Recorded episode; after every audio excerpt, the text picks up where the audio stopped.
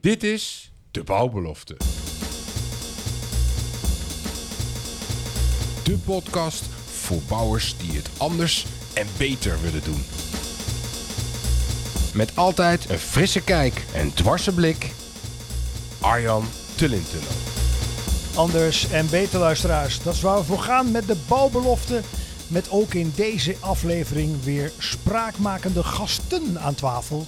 Twee, twee om precies te zijn. Niet aan de thee, maar twee gasten. Ehm Jem Ada en Sander ter Hamsel. Hartelijk welkom. Jullie zijn van eh, een architectenbureau. LKS VDD Architecten. Ja, dat dat is net. Matthijs van Nieuwkerk. Wie heeft nou in hemelsnaam LKS VDD Architecten bedacht? Ja, dat is al een goede. Dat is ook altijd een struikelblok, maar ook een ijsbreker bij eh, de eerste kennismaking. Eh, we hebben ooit een keer een, een scherm gehad waar onze volledige naam eh, in panorama getoond kon worden. Dat was eh, bij Thales. Maar dat, uiteindelijk eh, is het, staat het voor Leikappel of Sekkel van de Dobbelsteen Architecten. Herhaal dat nog eens een keer. Leikappel of Sekkel van de Dobbelsteen. Maar ja, op het moment dat je het- bij ik- ons komt werken, moet je dat toch vloeiend eruit kunnen gooien. Ik zou het niet kunnen herhalen op dit nee, moment. nee, zeg nee, ik dat snap ik. Daarom korten we het ook af eh, inmiddels. Ik moet zeggen dat het bij mij dus een jaar heeft geduurd. Ik werkte nou een jaar en op het begin dan eh, elk en dan op een gegeven moment dan het een stuk. eh, Ja. Ja. Ja, nou fijn dat jullie er zijn, eh, mannen. Eh, we gaan het met jullie hebben over het vak. Het vak, het mooie vak wat architectuur heet. Ook de spanning eh, die dat zo nu en dan oplevert. En vooral jullie kijken op het vak. En dan ook mooi eh, als je kijkt naar eh, verschil in leeftijd, zonder dat op een eh, waarde te schatten. Of er mogelijk in dat vak iets aan het veranderen is als je kijkt naar de uitdagingen van eh, deze tijd. Jem, ik begin bij jou. Je bent onderzoekend architect. Toen Ja. ik dat las, dacht ik, jemig. Weer hip bedacht eh, in het huidige social media tijdperk. Want een architect onderzoekt toch per definitie?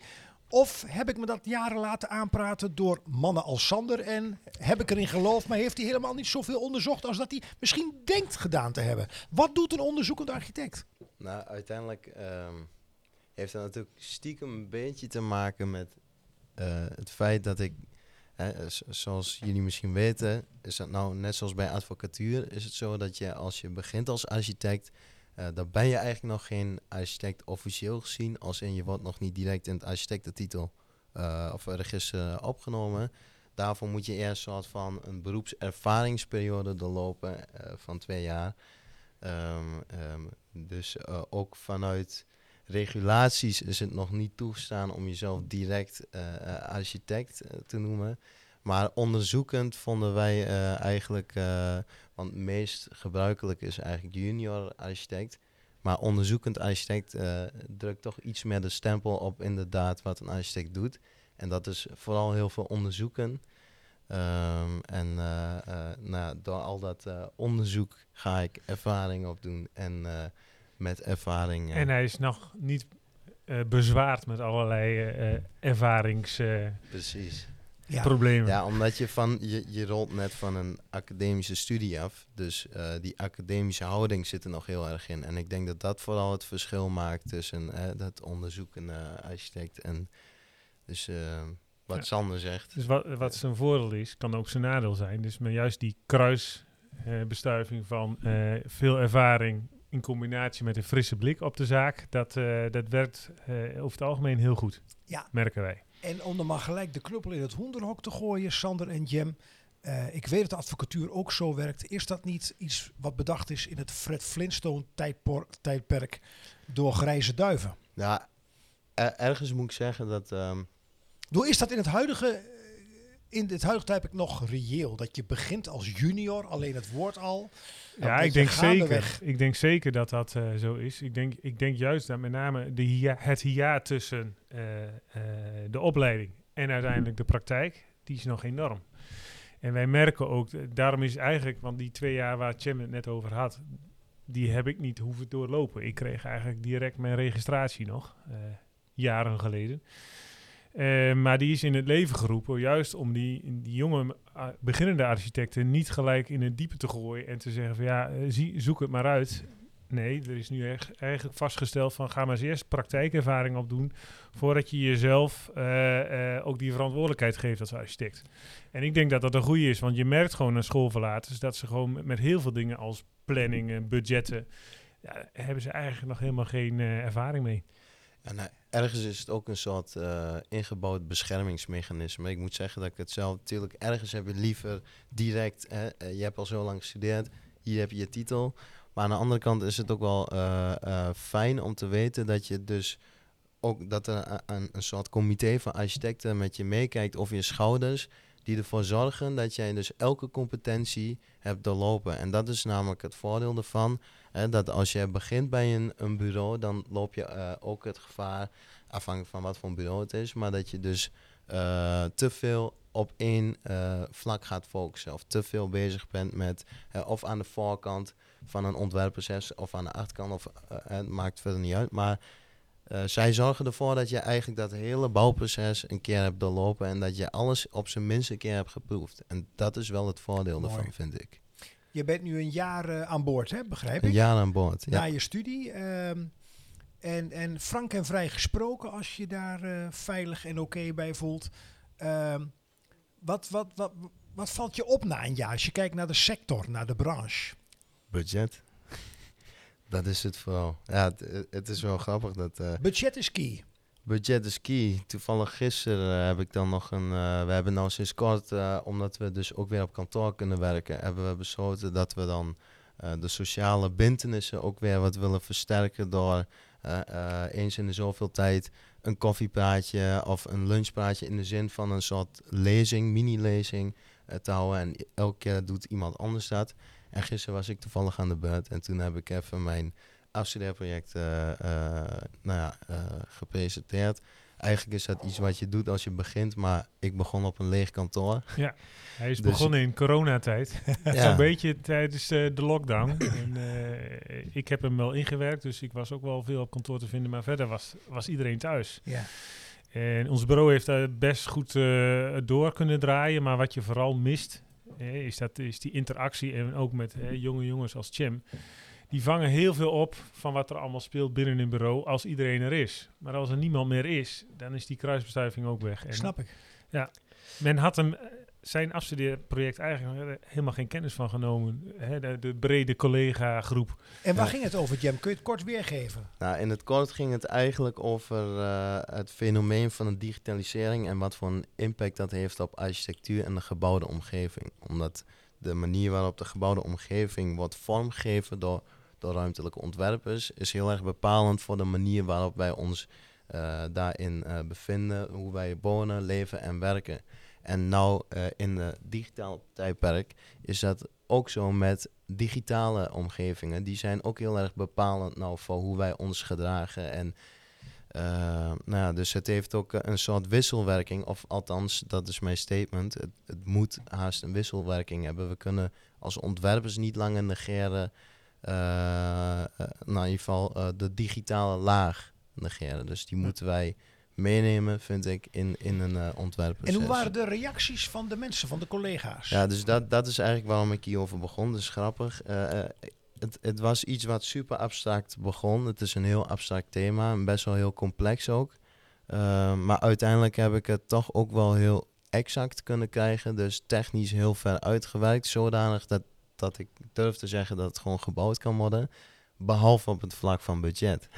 Ja, Want- dat. En, en wat je ook wel zag, is dat eh, veel collega's eh, aansloegen erop. En zeiden van ja, maar heel veel van die dingen die jij dan hè, in, het, in het grootste onderzoek van jou eh, hebt bedacht en eh, mee bezig bent geweest.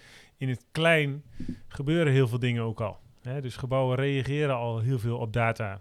Er wordt al heel veel big data eh, eh, verzameld. Eh, gebouwen worden al volgestopt met sensoren. En met die sensoren eh, meten ze eh, zaken. En daar worden dingen op uitgezet. Hè? Dus eh, gebouwen reageren al op, op wat mensen doen. Dus eigenlijk, Jam, is je verhaal afgeschoten. Nee, dat zeker niet. Oh. Het was wel, eh, eh, tenminste, ik kon wel eh, een bepaalde vorm van enthousiasme merken, zeg maar. Wel grappig dat iedereen daar anders naar kijkt. Dus architecten stelden hele andere vragen dan, dan bijvoorbeeld technische tekenaars, modelleurs. Later kwam de, kwamen wel een aantal collega's naar Noem, me toe. noem eens twee opvallende vragen die je nog te binnen schieten. Nou ja, dus één ging over budget. Van, ja, maar dit, ja, hoe, hoe, eh, hoe moet dit ooit eh, gefinancierd worden? Wie gaat dat betalen? Ja, dan moet je een, eh, een of andere sheik aankijken misschien. Maar eh, ja, aan, de- aan, aan de andere kant ook heel erg natuurlijk over de ruimtelijke kwaliteiten. Ja. Dus je ontwerpt een plein, je ontwerpt een gebouw en vragen over hoe, hoe die... Hoe moet een plein functioneren? Ja. En met name ook in een gedigitaliseerde samenleving. Hè. Een plein is per definitie een soort van ontmoetingsplek waar je eh, in de openbare ruimte, waar je eh, eh, evenementen onder- kan ondernemen. Ehm, en is dat dan een omsloten ruimte of is dat juist een open ruimte en de- dat soort zaken? De- daar, ja, als je dan kijkt naar jouw onderzoek, dan, dan is dat reuze interessant van hoe werkt zoiets? En wat, wat een gebouw niet een machine? Hè, dus wat hij heeft ontworpen is geen gebouw, is eigenlijk een machine. Stedelijke machine. Maar ja, dat, dat, dat Ja. soort... zijn architecten genoeg in het verleden die, ook al dat voorspeld hebben... dat gebouwen steeds meer machines worden. Ja. Dus, eh, Ja, de, de inspiratie begon bij een, een architect genaamd Cedric Price, eh, Engelse architect. En dat was dan in 1960, had hij al een eh, soort ontwerp gemaakt waarin hij eigenlijk claimt dat een omgeving niet zo permanent hoeft te zijn als dat wij het maken. Dus vooral nou hè, in 2022, waarom eh, maken wij zulke permanente architectuur in een tijd die zo gekenmerkt wordt door veranderlijkheid. En dingen die moeten steeds sneller kunnen eh, veranderen en aanpasbaar zijn. En dat is eigenlijk een beetje de statement die ik heb, eh, heb, heb willen maken. En, en mijn afstudeeropdracht was daar een antwoord op. Maar het was ook vooral bedoeld om, om die vraag te triggeren. En ehm, nou ja, dat is ook een beetje wat, wat er eh, met zijn opleiding gebeurt. Je wordt heel erg eh, get- eh, ja, gestimuleerd om in extreme te denken. En, en Ja. daarin wordt en het dus- leuke is om te vertellen is dat hij dus... Dat heeft hij gedaan voor zijn afstuderen. Maar uiteindelijk is hij nu met de gemeente Amsterdam wel een soort van onderzoek aan het doen naar digitalisering in de stad. En wat kun je verzamelen aan informatie op een bepaalde plek? En wat kun je er vervolgens mee doen? Hoe kun je die informatie, die data vertalen naar iets waar, het, waar de stad op kan reageren? Kom je ook in, eh, in gevaarlijk vaarwater van privacy en dergelijke. Dus, dus dat is een heel interessant onderzoek waar hij dan eigenlijk voor gevraagd is vanwege zijn afstuderen. En Jam, eh, privacy, eh, mijn scope, en ik denk van bijna iedere luisteraar is vooral Nederland. Eh, Mhm. Heb jij daar mogelijk zicht op hoe, eh, hoe in omliggende landen bijvoorbeeld naar privacy gekeken wordt? Als je het koppelt aan digitalisering, dus steeds meer sensoren in gebouwen, hoe, hoe zitten wij daarin ten opzichte van omringende landen? Nou, ik moet zeggen dat ik, dat ik mijn onderzoek voornamelijk heb gericht op, eh, op Nederland. We hebben hier de AVG-wet. Ik weet niet eh, of je daar wel eens van hebt gehoord. Nou, eh, wie niet? Ja, ja precies. Maar, nou, Ja. ja, wie niet. Maar ergens is het ook wel weer een... eh, eh, je, je verbaast je over hoe weinig mensen zich eigenlijk echt realiseren... wat er nou allemaal gebeurt in die hele eh, datawereld. En dan vaak met Ja. een te naïef argumenten in, instaan van... eh, ik heb niks te verbergen. En, eh, ik snap hem. Ja, Ja. wij wij Ja, Nederlanders zijn natuurlijk best wel open. Hè? Eh, Best een open cultuur. Als je bijvoorbeeld als architect eh, eh, eh, de grens overgaat naar Duitsland, eh, daar heeft de, is de rol van de architect heel anders. mhm. Ben je nog veel meer die bouwheer, die bouwmeester. En eh, ehm, zij zien, die Duitsers zien Nederlandse architect echt als een soort creatieve eh, eh, eh, brainstormers die, die veel losser denken. En ehm, dus ik denk dat wij in, Nederland, aan de ene kant is dat mooi dat we een hele open cultuur hebben, maar het heeft ook wel een gevaar in zich.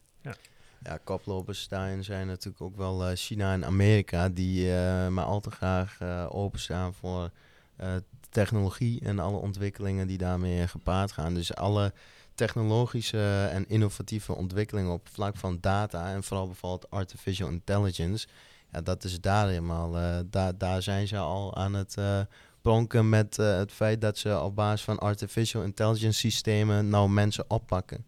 Dat was toevallig laatst dan een voorbeeld van eh, een man die mogelijk eh, een minder, minderjarig meisje dan had aangerand of verkracht. Ehm, weet ik niet meer precies, maar in ieder geval, er was ergens een foto, die was super wazig. Maar toch, hè, dan gooien ze dat in zo'n machine en, en daar rolt dan iets uit. En dat is genoeg informatie om die man dan eh, voor 35 jaar eh, eh, achter slot en grendel... eh, En, en, en dat, dat is precies waar je het net over had, eh, privacy. Ja, als het ethisch verantwoord is, dan, dan kan het. In zo'n geval vinden we het alleen maar fijn dat, dat, dat, dat we die technologie hebben. Maar eh, ja, er zijn Waar ligt de grens? Ja, precies. Ja. Hebben jullie dan een idee of jij, Jam, eh, want je had het tenslotte als onderdeel van je afstudeerproject, dat eh, de Nederlandse wet en regelgeving, helpt die in het doorzetten van deze ontwikkelingen of hindert die? Nou ja, daar is dus die. de, er is nou ook een, eh, een organisatie, autoriteit persoonsgevers. En die zijn dus heel erg actief op dat vlak. En die, die krijgen ook steeds meer body, als het ware. Eh, dat heeft wel even wat tijd geduurd, maar eh, die krijgen ook steeds meer gehoor en steeds meer eh, gezag in die zin en autoriteit om, om daar wat, wat mee te doen. Op dit moment is het vooral boetes kunnen uitschrijven. Op het moment dat zo'n bedrijf bijvoorbeeld niet goed omgaat met data, ehm, eh, waarvan een bedrijf dan nog een keer kan denken, nou ja, die boete, dat, dat voel ik niet zo erg. Maar eh, dat, dat krijgen we in al steeds principe willen we in Nederland eh, willen we natuurlijk alles regelen. Hè? Dus alles vastleggen. En, en, en eh, die regeldrift, die, die zal er niet minder om worden, geloof ik, in de toekomst. Maar Nee.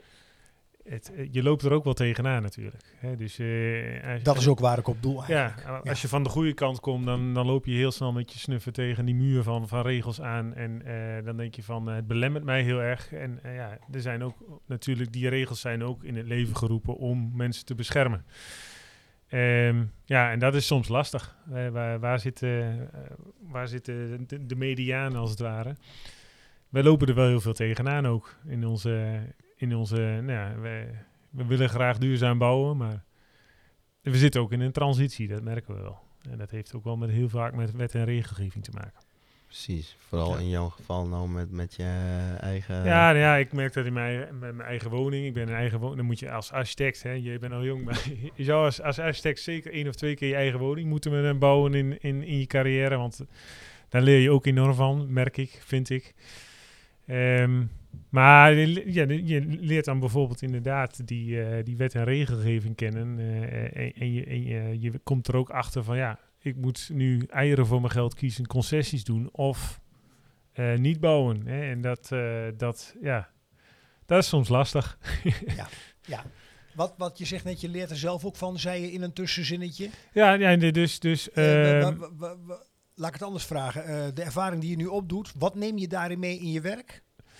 Ehm, nou, het is een hele ver- veranderlijk eh, eh, vakgebied. Eh, dus de regels van twee jaar geleden zijn er nu al niet meer van toepassing. Die, dat is een continu, wordt dat aangescherpt, aangepast.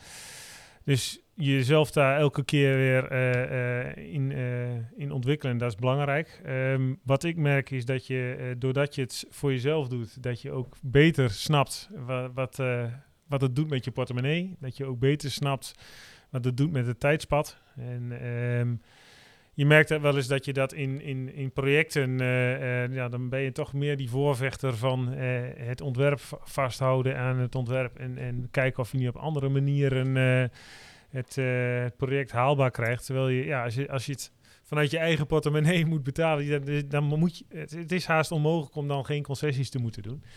En hoe ga je daarmee om als architect? Hè? Verzin een list, zoek een oplossing die wel werkt. En nou, dat merk ik ook wel eens van, eh, eh, je wordt creatiever door. Dus, dus ehm, eh, je, je moet soms oplossingen verzinnen die je van tevoren eigenlijk, voor problemen die je van tevoren eigenlijk niet hebt zien aankomen. En soms is, zelfs, is het zelfs zo natuurlijk dat creativiteit zoeken is op het moment dat er geen kaders zijn. Dan kan je in principe, dan, dan heb je te weinig kaders om binnen eh, te kunnen ontwerpen. Dus Eigenlijk Ja. is, is het bouwen in een open veld is het moeilijkste wat er is. Van wat wat Ja. ga je dan doen? Dus juist die, eh, die context en die, eh, het gegeven eh, van een budget. En, en, nou, in ons geval, eh, ik, ik, ik ga samen met mijn partner An- Anneke bouwen in een bos. Nou, en dat maakt al eigenlijk eh, een hoop eh, uit. Want we gaan geen bomen omzagen, we willen dat bos behouden. Eh, hoe ga je dan bouwen? Want de graafmachine die staat al klaar en die denkt van waar moet de bouwput komen? Nou, we gaan dus geen bouwput graven, we gaan bovengronds bo- eh, bouwen. Dus eh, op palen. Nou, en dat maakt dus dat je al heel veel dingen op losse schroef moet zetten. Dat maakt ook dat je in de wet en regelgeving eh, opgetrokken wenkbrauwen krijgt bij gemeenteambtenaren van... Oh, Ehm, Oké, dit is anders dan normaal. Dit zijn we niet gewend. En dan moet je met elkaar in gesprek. Hoe gaan we dat oplossen? En dat is, eh, dat is, dat is heel leerzaam, kan ik je vertellen. Dat geloof ik. Ja. Ja, jullie zeiden net iets heel aardigs. Eh, als ik het verkeerd vertaal, Jem, jij begon ermee, dan zeg het gerust. Eh, creativiteit kan niet gedijen zonder kaders. Nou, Nou, ik, ja. weet vrij zeker als ik dat bij kunstenaars neerleg of Ja. bij Nou, ik- reclame mensen of communicatiemensen en ook bij mezelf, zeg ik in alle openheid en eerlijkheid. Ja, dan denk ik, ja, kaders belemmeren juist creativiteit. Ja, juist die, die, die eh, kijk, want dat, dat vind ik mooi dat je ja, daarover maar- begint over kunstenaars. Wacht even, nee, ik wil Oké, even. Jem even eerst het woord geven. Ik kom zo bij je terug. Ja, Nou ja, eh, niet, niet gedijen wil ik niet zeggen, maar misschien wel moeilijker gedijen. Want als jij een, een soort blanco kaart hebt en eh, als, je, als je bijvoorbeeld kijkt naar creativiteit vanuit het vakgebied van architectuur, dan heb je altijd kaders, ook al heb je een maximum budget en het maar op, maar je hebt altijd kaders als in een context en een bepaalde omgeving waar je eh, voor ontwerpt, eh, programma van eisen, eh, een soort stijl wat de, opdrachtgever voor ogen heeft. En dat zijn al een aantal kaders. En dus die, die heb je altijd wel. Maar, maar goed, kaders kunnen in, in elke vorm kunnen die, verschijnen als het ware. Dus dat budget is, is de kader die bijvoorbeeld in de praktijk het meest soort van eh, eh, eh, of beperkend of stimulerend kan zijn. Het is maar net hoe je het wil brengen. En tijdens een studie is dat eh, tijd bijvoorbeeld. Tijd zorgde ervoor dat ik heel erg creatief werd. Ik Vlak voor het eind. Ik snap hem, ja. dat is ook het, het verschil tussen eh Ja, je ons architecten kunstenaars, en ja. kunstenaars. Kijk, Ja. we hebben absoluut raakvlakken. En sommige architecten die schuren veel meer aan tegen de kunst dan, dan ik bijvoorbeeld. Ik ben wel iemand die ook eh, altijd heel pragmatisch en een soort technische invalshoek heeft. Ehm, maar architecten die hebben inderdaad, eh, en, dat is het verschil met kunstenaars, die krijgen veel meer randvoorwaarden mee. Je hebt ook eh, straks die gebruiker die het gebouw moet, moet gaan gebruiken. Je hebt te maken met heel veel eisen waar je aan moet voldoen. Ehm, dus die kennis van al, al die eisen, regels, wensen, dromen van de, van de opdrachtgevers, die vertaal jij. Jij bent de vertaler daarvan Ja. in het gebouw. En eh, dat maakt dat wij eh, eh, enerzijds heel creatief kunnen denken, maar anderzijds hebben wij ook wel die technische invalshoek. En ik ben met name zo'n architect die dat, daar ook in gelooft. Hè, dus, dus ik zal nooit een gebouw ontworpen waar ik niet ondertussen stiekem over nadenk van hoe zou je dat toch moeten maken. En eh, toch fascineert mij wel om in dat soort gebouwen dan eh, te gaan kijken. Ik ben eh, in, in Bilbao geweest in het kunstmuseum van O'Gary. En dan, ja, het is, het is fascinerend om te zien. Het, zou, het is ook iets wat ik nooit zelf zou kunnen ontwerpen. Omdat ja, dat, daarvoor ben ik denk ik een, te, te veel een bouwkundig architect. Ja, Dus jij acteert eerder op ratio dan op gevoel. Ja zeker. Eh, a- ook op analyse. Dus, dus eh, ik ben geschoold in Eindhoven. Dat is anders dan Jem. Jem die, eh, is eh, in Delft eh, geschoold. En ehm, ik, ik durf wel te zeggen dat je vanuit eh, Eindhoven wat meer die, die vooranalyse en die, die, de, eh, eh, het conceptueel denken, dat dat daar sterker in de opleiding is, is eh, eh, vervlochten dan bijvoorbeeld eh, in Delft. Ja, en dat, geef je, dat krijg je mee hè, in, je, in je verdere carrière. Ja, ik zie je wat bedenkelijk kijken. Ja, dat, het, het conceptueel denken, dat heeft natuurlijk meerdere definities. Maar dat, het, het conceptueel denken is natuurlijk eh, anderzijds ook heel erg aanwezig in, in, in eh, Delft. Ik denk dat die tweedeling hem vooral ligt op exact in Eindhoven versus abstract in Delft. En, en eh, ehm, daar waar je bijvoorbeeld in Eindhoven heel erg begint met een logisch grid, eh stramien opzetten, zorgen dat de plattegronden kloppen, begin je in, in Delft eigenlijk met een verhaal. Dus wat voor een verhaal moet het gebouw vertellen? En, en veel meer vanuit een romantisch eh, invalshoek zo. Mag ik hieruit zeggen. afleiden, zonder dat ik je wil sturen, dat jij meer op gevoel gaat dan op ratio? Dus in Ja. die zin dat jullie complementair aan elkaar zijn. Nou Ja. ja, je, je, dat is ook, hè, we hadden in het begin van de, de, eh, dit gesprek over eh LKS VDD. Eh, Die staan voor een aantal partners. Nou, de meeste van die partners eh, zijn met pensioen. Maar uiteindelijk hebben wij een bureau met breed partnerschap. en dat zijn heel verschillende architecten. En dat is ook de kracht van ons bureau, denk ik. Dat wij eh, Ja. eh, elk poppetje die, eh, die aan het ontwerproer staat, als het ware, is, is, is, heeft zijn eigen persoonlijkheid, zijn eigen karakteristiek en zijn eigen achtergrond qua waar die staat in het vakgebied. Ja. En dat maakt dat wij heel veelzijdig zijn, maar ook op vele manieren een antwoord hebben op dezelfde vraag. En dat, is, dat maakt ons vak ook interessant. Vraag 10 architecten, eh, ontwerp iets voor mij. En je krijgt tien verschillende, eh, je krijgt nooit hetzelfde antwoord. En vooral de samenwerking daarin ook dan. Dat, eh, dat, Ja. dat je elkaar inderdaad heel erg, dat je heel erg complementair bent eh, aan elkaar. Ja. Daardoor. Even een hele andere vraag, Jem, te beginnen bij jou. Een persoonlijke vraag. Waar krijg jij jeuk van? Ja, dat is. Kijk, dat, dat is een vraag zonder kaders. Dus dan. Daarom stel ik hem ook aan jou. ja, precies. Nee, ehm, ja, waar ik jeuk van krijg zijn eh, eh, eigenlijk sociale settings. Ik eh, vind in principe elke mogelijke sociale setting interessant. Omdat ik denk ik wel heel erg een mensenmens ben en, en me heel erg bezig hou van nature uit, zeg maar, met hoe mensen zich tot elkaar verhouden en, en alles wat daarmee gepaard gaat. Dus eh, ongemakkelijkheid, eh, zekerheid, onzekerheid.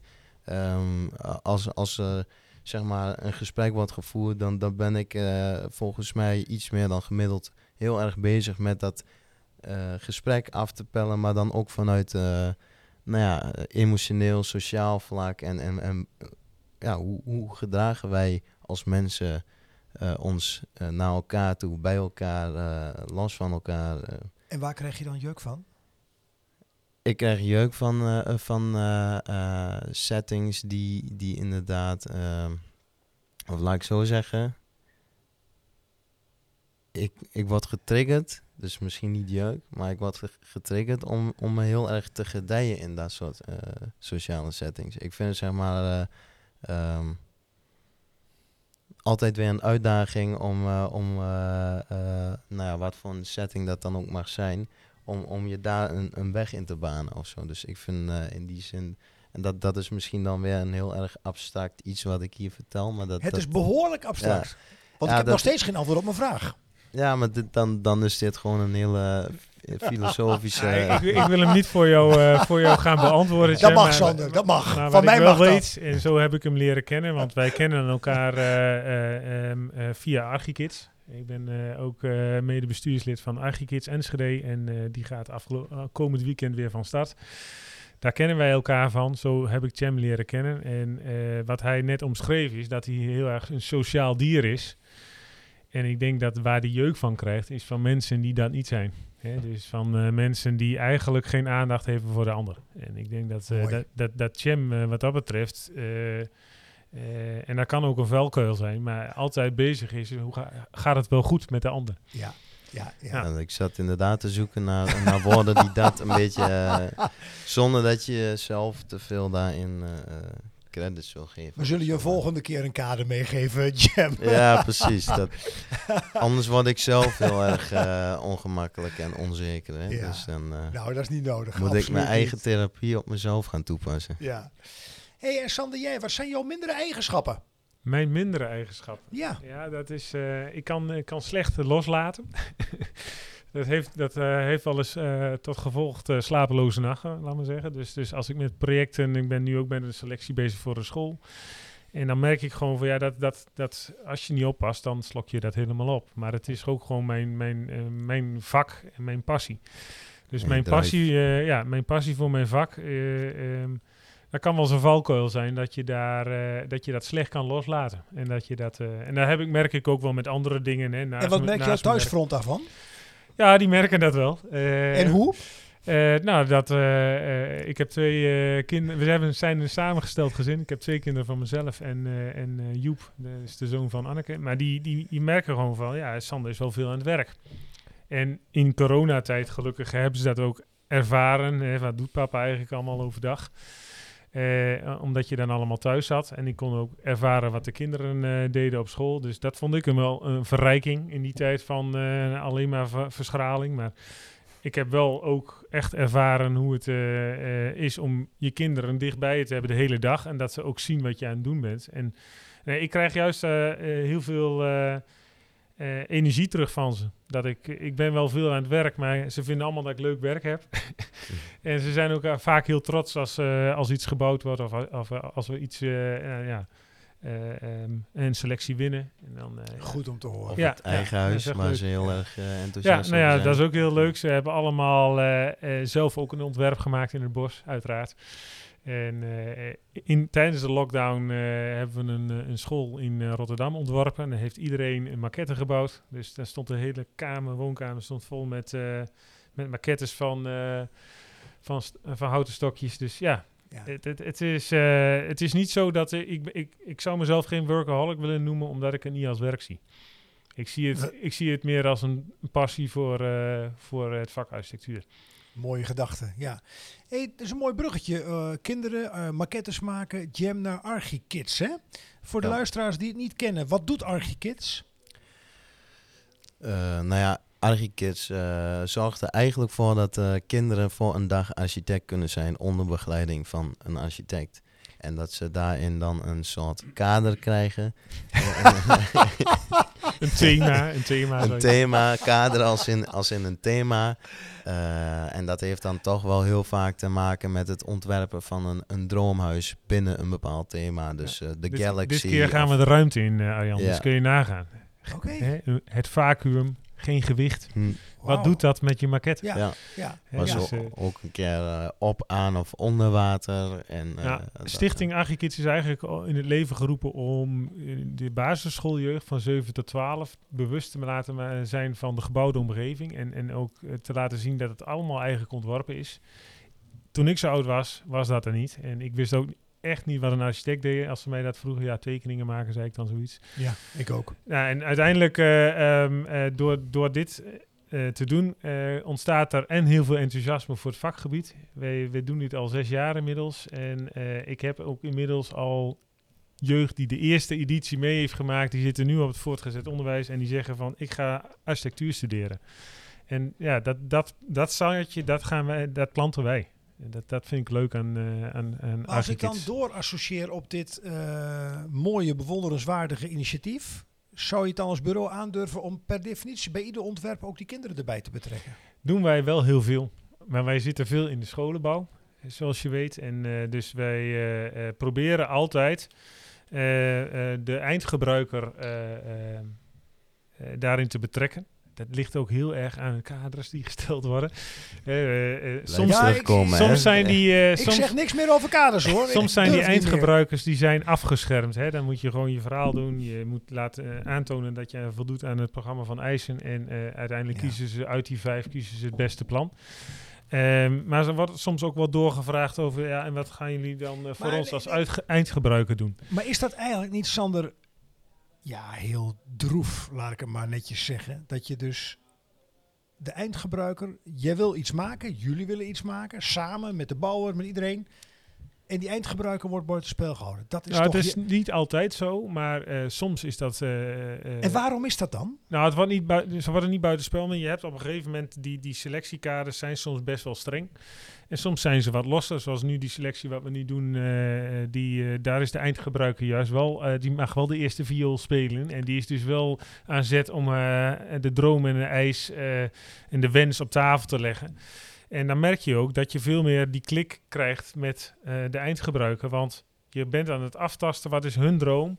En die moeten wij vertalen naar een gebouw. Ja, alleen als ik kijk in het proces, hè, eh, eh, los van alle opgaven waar we in de woningbouw voor staan. Het, ik vind het onbestaanbaar als ik gebruiker ben van een pand. En dat alles voor mij besproken wordt door eh, wijze mannen en wijze vrouwen, al dan niet Ja. in een pak en met een stropdas voor. Ja, Wat moet- gaat, wat gaat hier mis? Nou ja, dat heeft al te Geld. maken met eigenaarschap. Hè, van, eh, eh, eh, de gemeente is vaak, blijft eigenaar van het gebouw. En de eindgebruiker is degene die het gebouw mag gebruiken voor een De school bepaalde bijvoorbeeld, periode. hè, want Ja, gemeenten ja. zijn verantwoordelijk voor, de, Ja. eh, voor het gebouw, zeg maar. Ja, Even, dus, dus even- dan heb je al een, situatie waarin dus de eigenaar van het pand niet de gebruiker is. En dat is een rare situatie eigenlijk. Hè? Als je het hebt over een particuliere woning, dan wordt de eindgebruiker is ook jouw opdrachtgever. En dat, dat werkt met scholen soms anders. Wij zijn een raar land, weet Ja. je dat, jongens?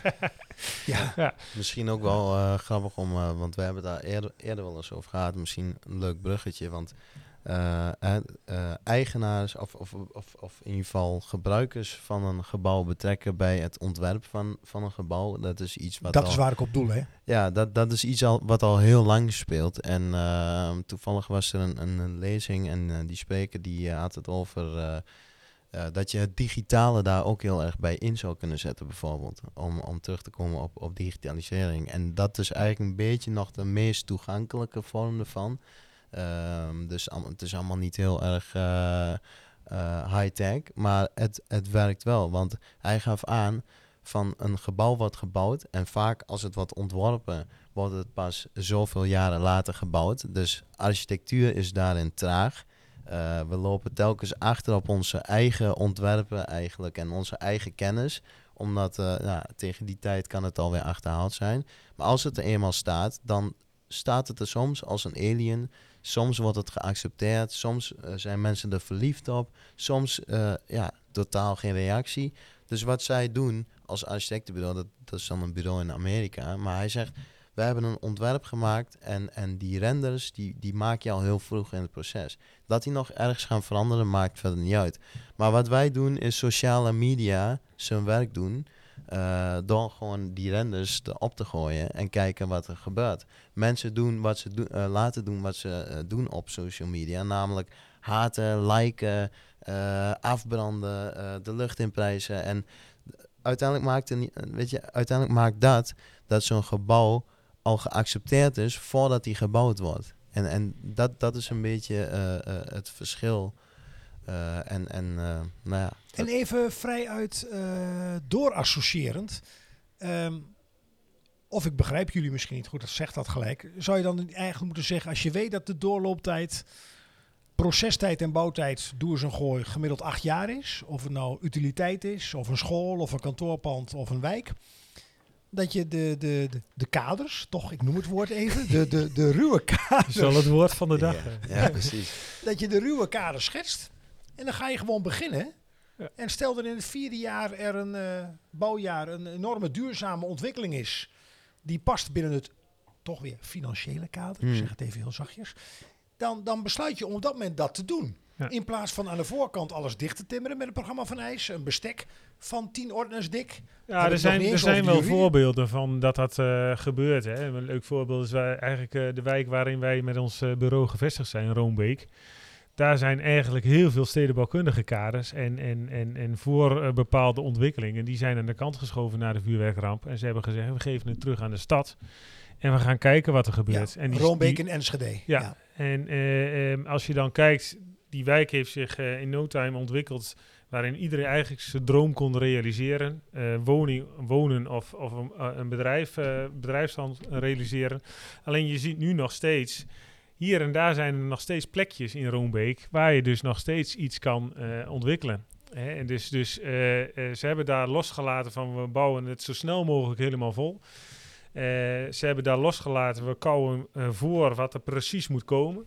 En uiteindelijk is dat dus een organische groei ontstaan in die wijk. En die wijk wordt wel door heel veel mensen, heeft ook de Gouden Piramide gewonnen daarvoor, maar die door heel veel mensen gezien als, kijk, daar heeft in ieder geval iedereen de vrijheid gekregen om te doen wat zijn of haar droom is. Maar dan zou je toch zeggen, Sander en Jem, als dat daar gewerkt heeft en het doet het. Ik heb er ook het nodige over gelezen en velen met mij. Dan gaan we dat toch op andere plekken in het land ook zo doen. En dan zie je toch de reflex. Ja. De Ja. regelgeving die al, eh, of de werkwijze, de gedachten die al, eh, nou, 10, 20, 30, 40 jaar hetzelfde is. Ja, ja, dat heeft, Ja. en het heeft wel, ja, het, heeft met heel veel krachten natuurlijk te maken. Het is niet zo dat alleen eh, wet en regelgeving dat soort dingen in de weg zit. Het heeft ook gewoon te maken met eh, ehm, eh, hoe je bepaalde gronduitgiftes doet, wie je daarop zet en wat je daar vervolgens met elkaar als gemeente van vindt. Er zijn de afgelopen tijd weer gemeenteverkiezingen geweest. Ik vind die lokale besturen eigenlijk die hebben eh, in, in die zin best veel invloed op wat hè, bijvoorbeeld met de gebouwde omgeving van je eigen stad eh, gebeurt. Dus eigenlijk best belangrijk. Dan is het wel triest om te zien dat nog niet hè, de helft van de mensen daarvoor gaat, eh, naar het stembureau gaat. Maar ik denk juist die lokale politiek, die kan juist hè, de gebouwde omgeving van je eigen stad heel erg mede vormgeven. Ja, dus dat is ook een factor, een, een belangrijke factor die denk ik onderbelicht is. Ja, ja. Van jullie kunnen als architect geweldige plannen hebben, de bouwer ook. Maar dan is het de lokale politiek die ook kan remmen. Ja, kan remmen of in ieder geval... eh, in, kijk, de- na de vuurwerkramp was het in Enschede duidelijk... hier moet iets gebeuren waarbij we het gevoel krijgen... dat Roombeek van de stad is en blijft. En dat we eh, het teruggeven aan de stad... en dat de bewoners zelf die wijk weer op gaan bouwen. Dan, hè, dus, dus zo is het eigenlijk bedacht. Eh, en, en uiteindelijk ehm, zorgt dat ervoor dat er... eh, ehm, ja, een hele kleurrijke wijk is ontstaan eh, van alle lagen van de bevolking. En, eh, ehm, en dat, dat er ja, door iedereen ook ervaren wordt als een hele fijne, prettige omgeving om te wonen en te werken. Mooi, mooi. Ja, we moeten al eh, richting een afronding eh hier. Gaat snel. eh, ja, het gaat echt snel. Ja. Jam, je bent nu ehm, een jaar aan boord, hè? Ja.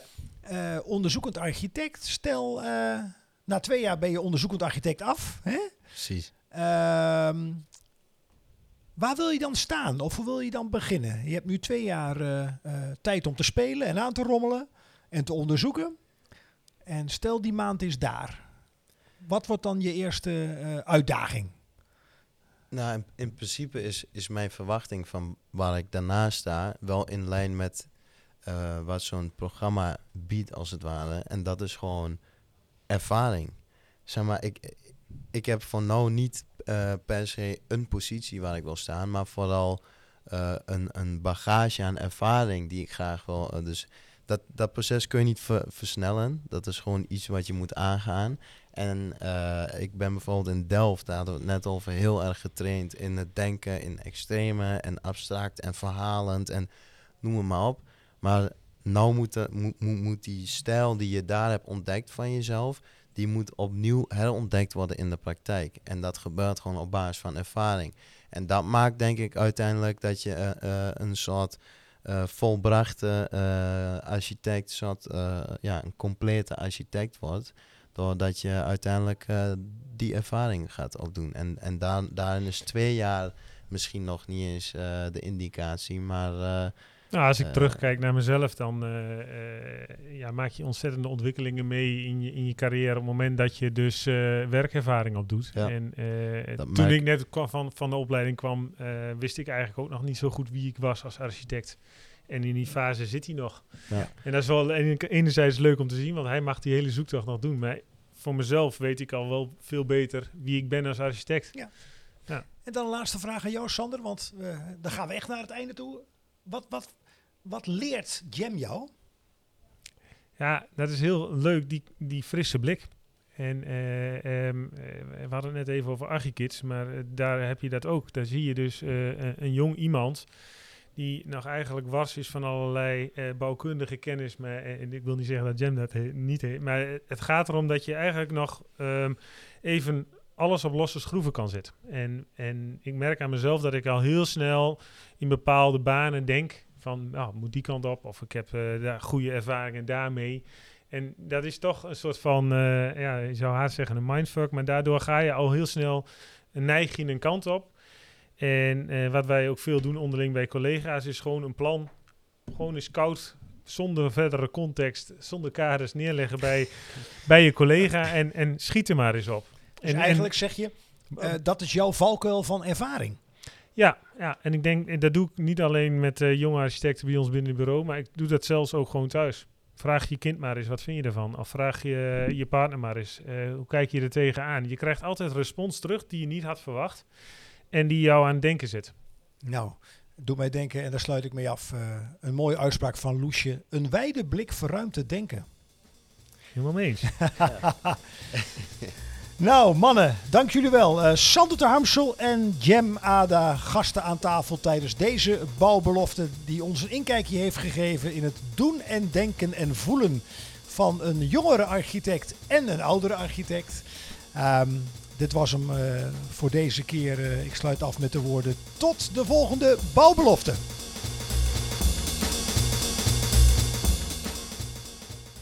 Erg leuk. ja, Leuk. nou, Ja. dat is wel leuk, ja. Leuk gesprek.